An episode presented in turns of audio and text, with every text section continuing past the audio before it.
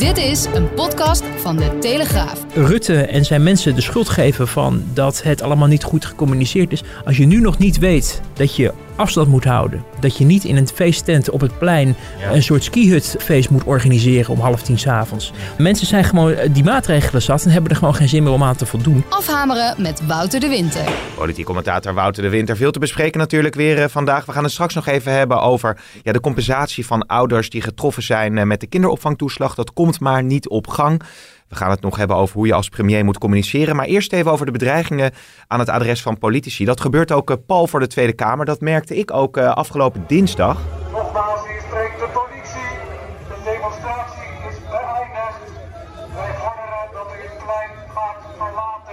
Ja, ik moet erbij zeggen dat het dinsdag nog redelijk rustig uh, verliep. Maar jij merkt dat denk ik ook wel, hè? Die, die sfeer van agressie voor de Tweede Kamer. Ja, en het is uh, wel zo dat er al sinds ik in de Tweede Kamer uh, en daaromtrent werk altijd demonstraties zijn. Hè? Er is ook een, een, een mooi, mooi verworven recht natuurlijk ook om dat voor de deur van het parlement te doen. Dat moeten we ook, denk ik, ook in stand houden. Hoewel de mensen die hun werkkamers hebben van de, van de Kamer aan de kant van het plein af en toe gek worden van, van, van al het lawaai, het geschreeuw en het, en het geslaan op trommels en versterkingen. Uh, maar de afgelopen uh, weken uh, is daar wel iets in veranderd. De sfeer is schimmiger geworden. We hebben natuurlijk een tijdje geleden gezien hoe Pieter Omtzigt, het Kamerlid van CDA, min of meer ter verantwoording werd geroepen waarom hij niet meer werk maakte van zijn eigen verkiezing als lijsttrekker. en zich neerlegde bij de toenmalige uitslag. En nou, dat vonden de mensen met een biertje in de hand die hem daarop aansproken toch wel echt uh, schandelijk. Dus hoe, hoe zou kan het dat het nu in één keer niet zo is? Verraad je altijd iedereen? Ja, verraad je gelijk het volk. Verraad je altijd iedereen? Huh? huh? Ja, wat bedoel je? Heel het volk. Is het normaal dat je volk huh? praat? Is dat normaal? Satanisten, diepste. Die diepste satanisten. Maar je ziet nu vanwege de, de, ja, de discussie rond het coronavirus dat er wel heel erg uh, ja, scherp, veelvuldig en ook heel intimiderend uh, door sommige mensen wordt gehandeld. Met, uh, tele er wordt ook voortdurend van alles opgenomen. Er wordt van alles geroepen naar mensen die in en uit het gebouw komen. mensen weten ook niet natuurlijk wie wie is vaak. Hè? Dus als je al een, een kostuum aan hebt, dan ben je al snel verdacht. Want ja. dan zal je wel van de kliek, bij de kliek horen. En mensen eisen ook gesprekken en eisen verantwoording voor wie er ook langsloopt en wie, wie, wie, wie er uit het gebouw komt. Uh, minister Bijleveld van Defensie die vertelde gisteren dat ze zelfs na de ministerraad, waar tegenwoordig ook al voor de deur een heleboel mensen staan uh, ja, te kijken en boete roepen, ze ook via een andere weg haar eigen ministerie, wat ook aan het plein is gehuisvest, moet bereiken. Omdat ze normaal gesproken voor het Tweede Kamergebouw langs zal lopen. Maar daar is het de afgelopen weken elke dag bal met geschreeuw en, en verontwaardiging. En vaak ook demonstraties waarvoor geen toestemming is verleend. Ja. Want dat moet in Den Haag wel, uh, van burgemeester van Zanen, moet je, moet je daar wel uh, uh, groen licht voor krijgen. dus dat gaat wel vrij ver. En dat ministers dus worden geadviseerd om via andere manieren ja, langs het gebouw of in of uit het gebouw van de Tweede Kamer te komen. En de Kamervoorzitter dus ook aan de bel trekt bij de burgemeester. Dat zij, dat, dat, dat zij maar ook de collega-Kamerleden, uh, sluiproutes aan het nemen zijn om maar niet in een soort fuik van verontwaardiging en intimidatie ja. terecht te komen. Die sluiproutes, jij loopt natuurlijk al een tijdje rond in Den Haag. Uh, kan je dat herinneren dat dat uh, vaak eerder is gebeurd? sluiproutes, dat is het mooie van zo'n oud gebouw, dat er, dat er allerlei. Er, ja. ja. er zijn allerlei. Je kan, je kan echt van de ene naar de andere kant komen zonder dat iemand je ziet. En ook daardoor ook op een heleboel verschillende manieren uh, wegkomen of naar binnen gaan. We hebben het in het verleden ook wel gezien uh, met dat, wat bij de PVV was. En dat we Wilders wilden opvangen. Ja. En dat stond iedereen klaar tot, tot in de avond. En dan bleek hij uiteindelijk via de CDA-vleugel ontsnapt te zijn. Terwijl hij normaal dan via een andere route ging. En uh, dus, dus ja, daar daar weten de Kamerleden uh, hun weg wel te vinden. Maar het is natuurlijk ten principale, ten principale van de gekken dat, dat uh, onze volksvertegenwoordigers, die er niet alleen maar zijn om de mensen die boos zijn te vertegenwoordigen, maar ook een heleboel andere mensen die ja. in het land hopen dat er de goede besluiten worden genomen.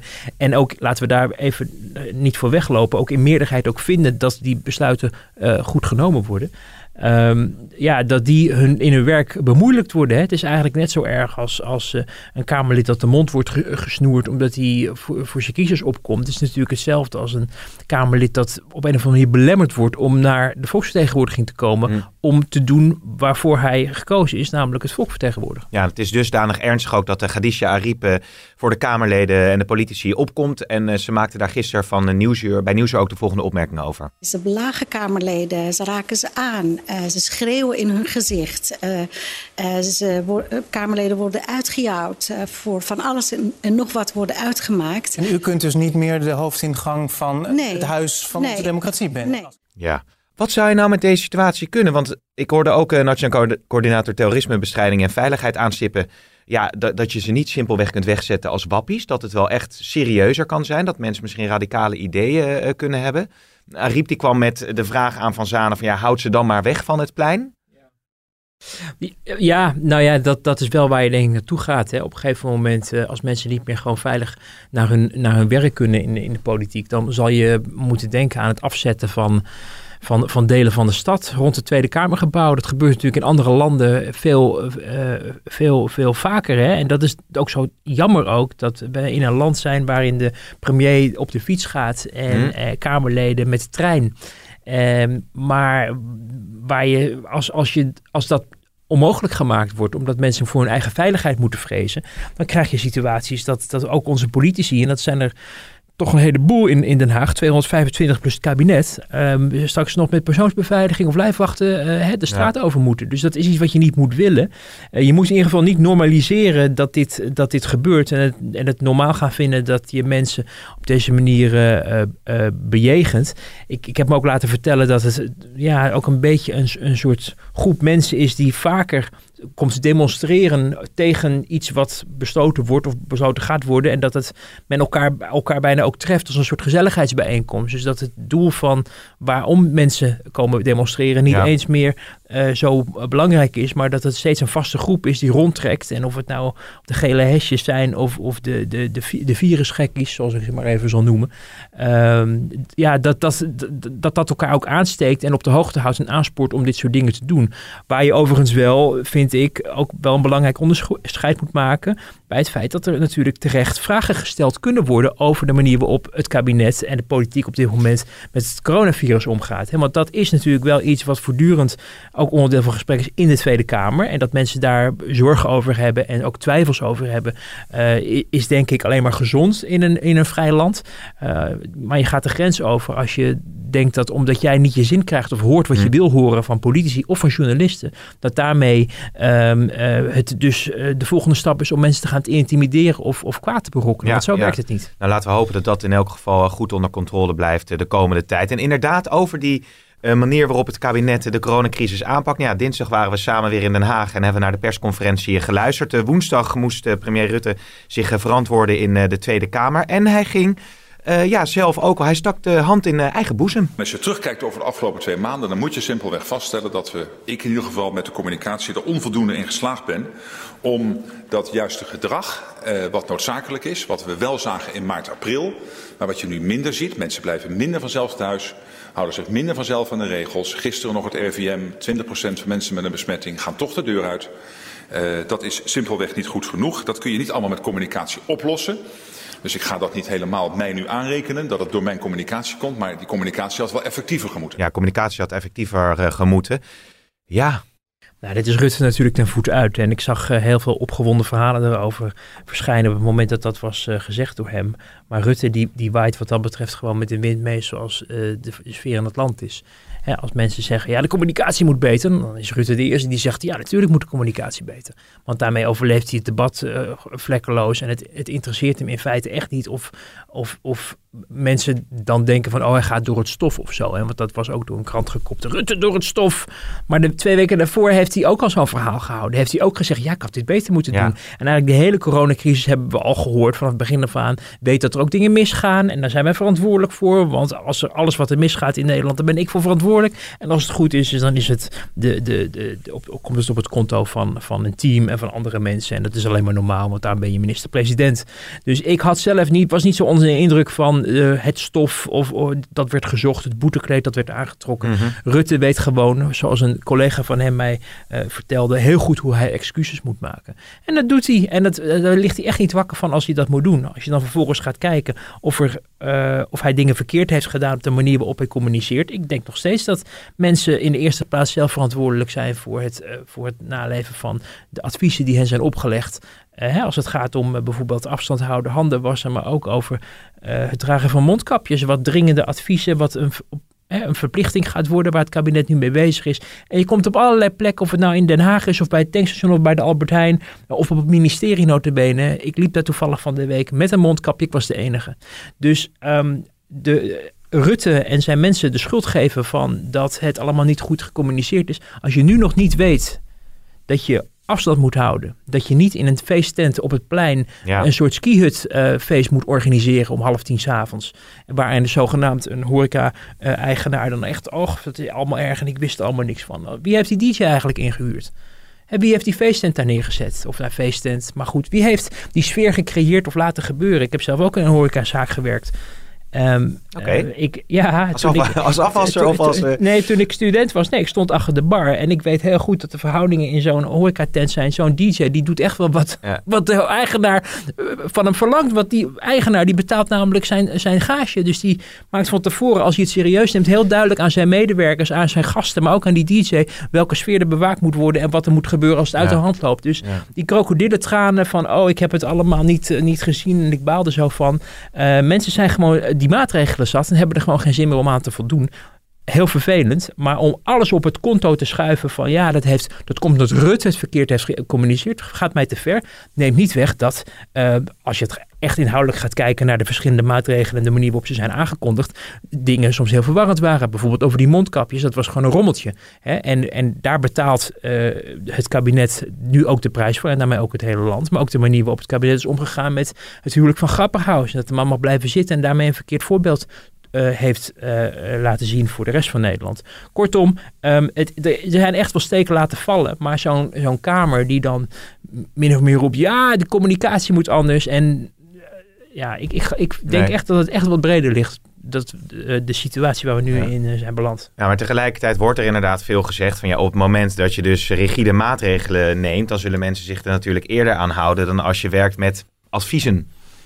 Dat is, de, Rutte Ja, maar zegt misschien je- ook, ik heb te veel op de verantwoordelijkheid van de burgers Ja, vertrouwd. maar dan moet het wel kunnen. Hè? Het is nu net alsof het hele land stond te, sp- te springen in het voorjaar om allerlei verplichtingen Ja. eh, en het opzij zetten van grondrechten. Nou, de sfeer in het land was daar helemaal niet naar. En ik denk dat Rutte ook heel lang ook heeft blijven hopen dat het met, met adviezen ook zou lukken. Hè? Want eh, handen wassen is ook, staat ook niet in de wet. En afstand houden eh, staat ook niet in de wet en staat het nog steeds niet. Hmm. En dat is maar goed ook. Maar dat, ja, weet je, dat zijn van die dingen dat ik, dat ik denk, eh, het is heel makkelijk wel achteraf zeggen van ja, had het allemaal maar verplicht. Maar dat moet ook nog eens kunnen. Je kan niet zomaar Nee. bijvoorbeeld achter de voordeur gaan handhaven. Dat hebben ze nog wel even geprobeerd met die coronawet. Maar dat is er door de politiek weer uit, door de Tweede Kamer weer uitgeramd.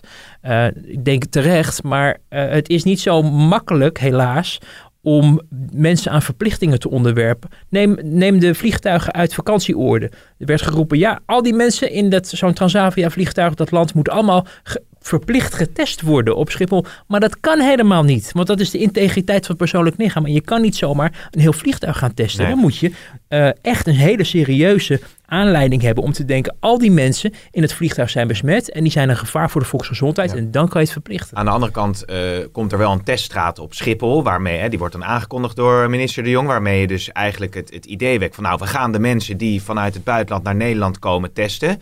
En dan blijkt toch al vrij snel dat het moeilijk is om die teststraat de hele week eh, op meerdere uren open te houden. Ja. Dus dat schetst dan weer het beeld van ja, dan komen er maatregelen en dan is het half bakken. Prima. En dat is ook iets waar je het kabinet ook heel hard op moet aanpakken. Want ik ben, eh, heb me ook groen en geel geërgerd aan alle vergezichten die zijn geschetst. En het komt allemaal goed. En vanaf dan wordt dit allemaal geregeld. En iedereen kan er nu terecht. Bedoel, dat zijn enorme steken die het kabinet heeft laten vallen. En daar moet, het, daar moet de Tweede Kamer en, en misschien wij als samenleving ook heel scherp op zijn. Maar dat is iets anders dan dat je verwacht dat ehm, eh, de minister-president eh, dat het allemaal ligt omdat de minister-president en de minister De Jonge eh, het allemaal verkeerd hebben uitgelegd. Die persconferenties werden door miljoenen mensen bekeken. Ja. Dat betekent dus dat er een heleboel mensen zaten te wachten op die boodschap. En dat ook keer op keer deden en wilden horen. Want als niemand meer keek naar die persconferenties, dan zou je kunnen zeggen, nou, die communicatie is niet effectief, Nee. want er kijkt geen hond. Ja. Nee, ze wisten daar toch elke keer een momentum mee te genereren,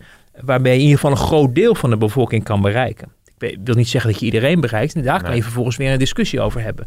Maar ik, ik vond het gewoon iets te makkelijk om te roepen, ja, die communicatie en, en eh, allemaal ehm, eh, verkeerd geweest. Ehm, ik denk juist dat er een heleboel effectieve communicatie heeft plaatsgevonden. Maar langzamerhand is men gewoon de controle op dat virus kwijtgeraakt.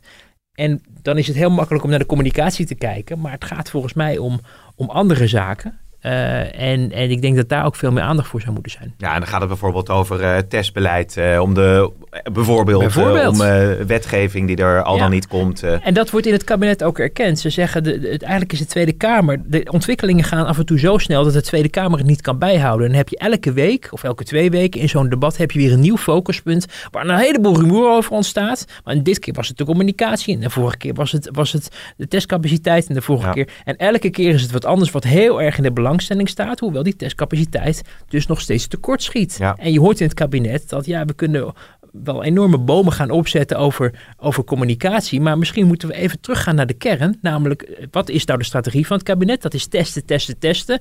En bron- en contactonderzoek. Alle twee dingen zijn mislukt. Dat moet dus ook de focus zijn. Wil je dat kabinet het echt moeilijk maken en ze echt ter verantwoording roepen? Ja. En een minister-president die ermee wegkomt dan in een debat, die zegt: Ja, eh, ik heb het altijd beter moeten doen, ik had beter moeten communiceren. Nou, als dat al genoeg is. Dan Rutte ze is ook slim genoeg om Ja. te weten dat hij op deze manier er makkelijk mee wegkomt. Rutte is heel goed in excuses maken, zoals die bewindspersoon mij vertelt. Eh, laten we tot slot nog even, eh, Wouter, één ander element eh, beetpakken wat een beetje is ondergesneeuwd eh, deze week, maar daarom niet eh, minder ernstig is. Als het gaat over de uitbetaling dus van eh, ouders die gedupeerd zijn eh, met de kinderopvangtoeslag. Hè. Dat gaat om mensen die soms al tienduizenden euro's moesten terugbetalen en later bleek eh, onterecht. Eh, die uitbetaling verloopt heel traag. En eh, Pieter Omtzigt van het CDA die had daar gisteren bij een debat eh, de volgende woorden over. Voorzitter, ook ik zou kunnen beginnen met het voorlezen van brieven, mails, telefoongesprekken. Mensen bij wie wanhopig de auto wordt ingevorderd en die geen auto kunnen kopen. Ook al hebben ze met veel moeite dan weer een beetje geld bij elkaar. En hun zieke vader niet kunnen bezoeken die 100 kilometer verderop woont. Een weduwnaar die zich bij mij, tot mij wendt omdat zijn vrouw 48 jaar twee weken geleden overleden is van de stress van het wachten. Staat al maanden in de wacht. Ik kan doorgaan. En ik moet deze mensen vertellen dat ik vandaag een debat heb. Waarin ik ga vertellen dat er 501 mensen aangenomen zijn. En dat er dit jaar tussen de 300 en 600 mensen geholpen worden van de 30.000. We kregen in april de toezegging dat er 5000 gezinnen uit de problemen geholpen zouden worden. Het zijn er maar 300.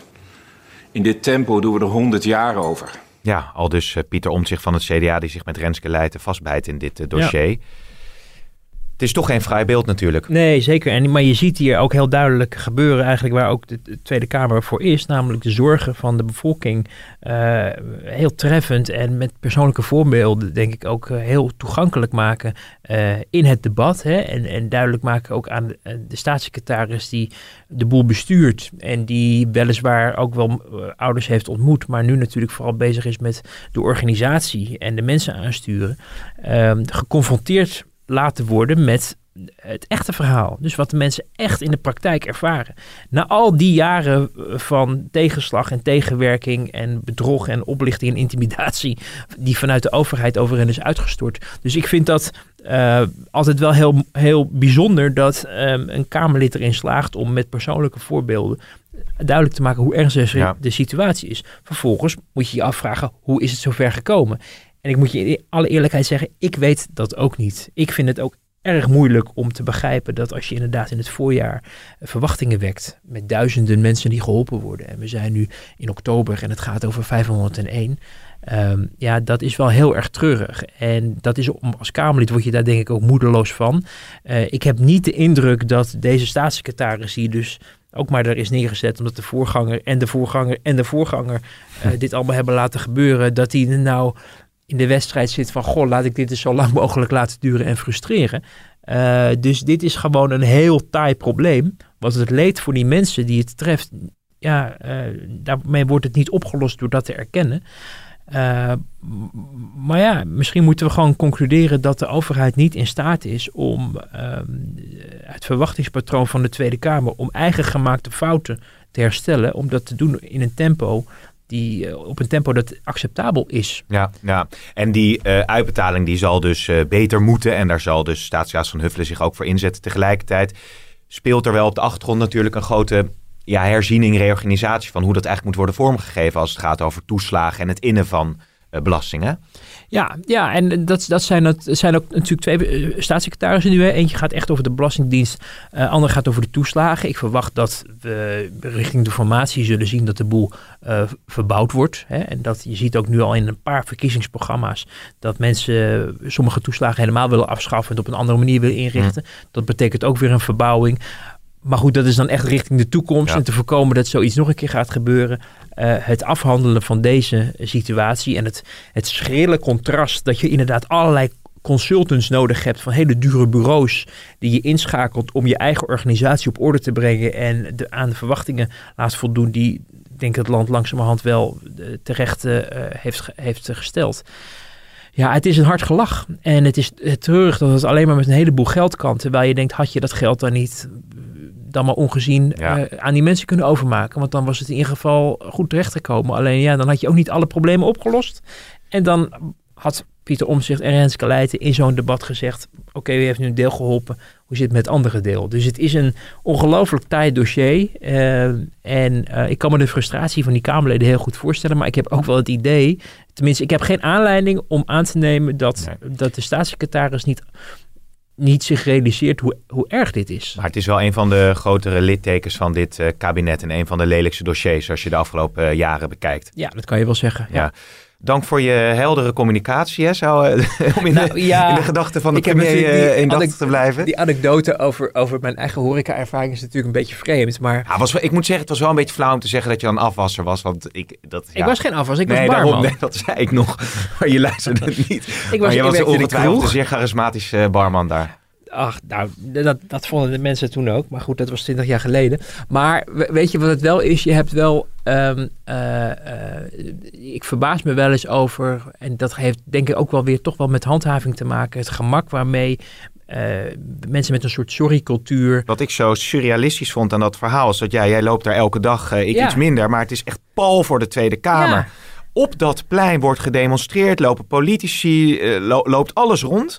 Het is, het is bijna surrealistisch. Was een BBC-verslaggever die ook dat filmpje had gedraaid. En er wordt gezegd denk, ja. Dit? En er wordt gezegd ja. En het was een momentopname. Maar ik zag gisteren weer beelden dat je gewoon iemand met een camera, echt zo'n professionele journaalcamera, alles zag filmen. Nou, die, die staan niet alvast klaar bij dat café. Die, staan, die komen naar dat café op het moment dat collega's, journalisten of wat dan ook zeggen: je moet eens hier even hier ja. komen kijken, want hier is iets uit de hand aan het lopen. Dan moet er iemand komen uit het kantoor van de NOS. Dat duurt 10 minuten, kwartier ja. voordat je iemand daar hebt.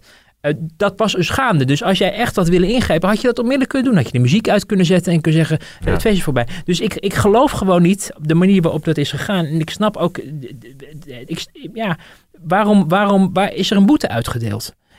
Welke nee, is, is, een vergunning nou, ingetrokken? En, en, en je kan je ook nog afvragen, want maar ja, dan kom je natuurlijk op het bordje van, uh, van Zanen. Maar om tien uur uh, moet die tent dicht zijn. Dus je zou toch kunnen veronderstellen dat handhavers daar wellicht al in de buurt liepen. Of in ieder geval toezagen op het... Op de dag dat het op de van dag. kracht zou worden. En blijkbaar ja. hebben, ze, hebben ze niet ingegrepen. Nee, en is, want dit was om half tien geloof ik. Het, het bizarre is om daar nog even over door te gaan. Want nou ja, je werkt dan in de Tweede Kamer. En als dan het, het, het raampje open staat dan, ben je, dan, zit je, dan hoor je het gewoon dat, gebeuren. Dus ja. je, je, hoeft, je hoeft maar de deur uit. En, uh, nee, dat is, het, ik had echt meer het idee van dit is een soort middelvinger die wordt opgestoken. Het is net als al die mensen die massaal nog even, ja. oh we gaan nog even ja. flink, lekker flink uit eten met z'n allen en gezellig. En, terwijl de reden is niet om mensen te pesten, zodat je niet meer de hoor krijgt. Want dan heeft het virus het niet door misschien, want die hebben het vast vanaf tien uur s'avonds hebben ze het in de gaten. Dat wordt die sluitingstijd, pas na sluitingstijd actief. Nee, het ging erom, die maatregel was ingevoerd door de overheid om te, vo te voorkomen dat het zich verder verspreidde.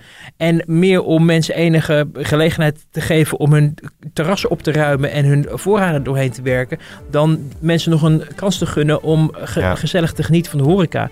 Dus, dus er zitten gewoon een heleboel. En dan kan je wel weer het kabinet ervan de schuld geven. Want waarom niet onmiddellijk en pas om tien uur s'avonds? En waarom niet om zes uur? Want dat werd ook alweer geopperd. En ik denk, ja, het begint toch echt bij die mensen Ja. die aan dit feest meewerken. Ja. Wouter, eh, een goede overdenking. eh, Ja.